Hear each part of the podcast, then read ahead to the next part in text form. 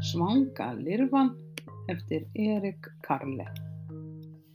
Í tunglskininu lá lítið egg á laufblaði.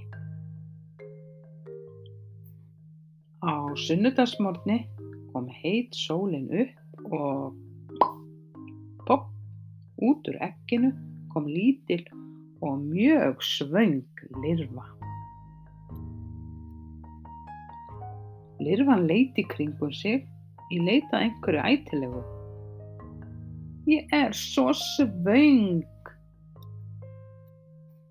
Á mánudegi borðaði lirfan sig í gegnum eitt epli. Samt var hún ennþá svöng. Á þriðju degi borðaði hún sig í gegnum tvær perur og samt var hún ennþá svöng. Á miðvikudegi borðaði hún sig í gegnum þrjár plómur. Samt var hún ennþá svöng. Á fimmtudegi borðaði hún sig í gegnum fjögur jarðaber.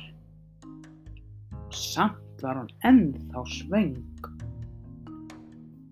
Á föstudegi borðaði hún sig í gegnum fimm appelsínur.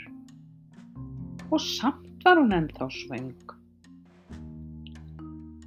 Á laugadegi borðaði hún sig í gegnum eina sneið af súkkulaði köku, í gegnum einn ís í brauði, í gegnum eina gúrku, í gegnum eina sneið af svissneskum osti, í gegnum eina sneið af spægipilsu, í gegnum einn sleikjó, í gegnum eina sneið af kissuberjaböku, í gegnum eina pilsu. Og í gegnum eina muffinsköku. Og í gegnum eina sneið af vassmelónu. Þetta kvöld var lirfunni illt í maganum.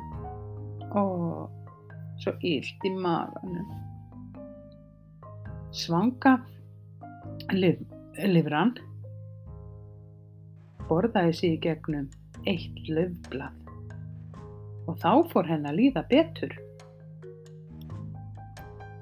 Og nú var litla lirfan ekki lengur lítil. Hún var orðin stór, svona stór. Hún var orðin stór og feit lirfa. Hún byggði lítið hús, púpu, utanum sig og beið þar í meir en tvær vikur. Og þá gerði hún pínu lítið gata á púpuna tróð sér út úr henni. Og veistu hvað? Lirfan hafði breyst í fallegt fiðrildi.